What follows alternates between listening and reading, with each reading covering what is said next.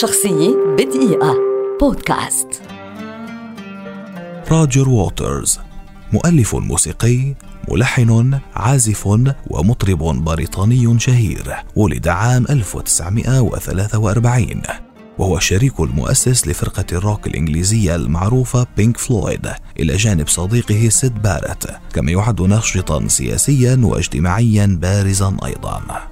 روجرز هو العضو الأهم في فرقة بينك فلويد لتعدد أدواره في الفرقة من حيث كتابة الأغاني وتلحينها. وقد قام بكتابة كلمات أغاني ألبوم كامل للفرقة بمفرده كما يعد من أفضل الملحنين في تاريخ موسيقى الروك.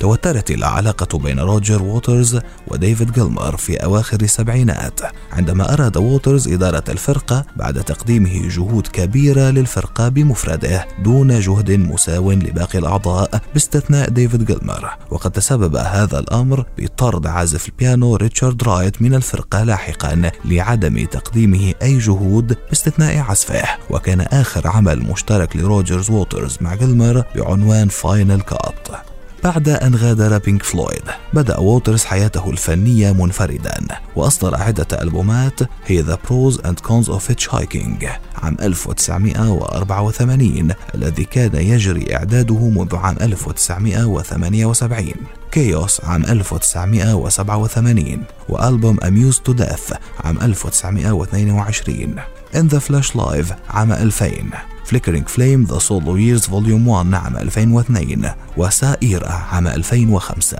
بعد انهيار جدار برلين عام 1989 أنتج ووترز في الحادي والعشرين من يوليو عام 1990 في العاصمة الألمانية حفلا كبيرا باسم الجدار من أجل التضامن واحتفالا بإنهاء الانقسام بين شرق وغرب ألمانيا. جرى الحفل في ساحة بوتسدامر ولا يزال هذا الحدث يعد أعظم إنتاج موسيقي لووترز حتى يومنا هذا. شخصية بدقيقة. بودكاست.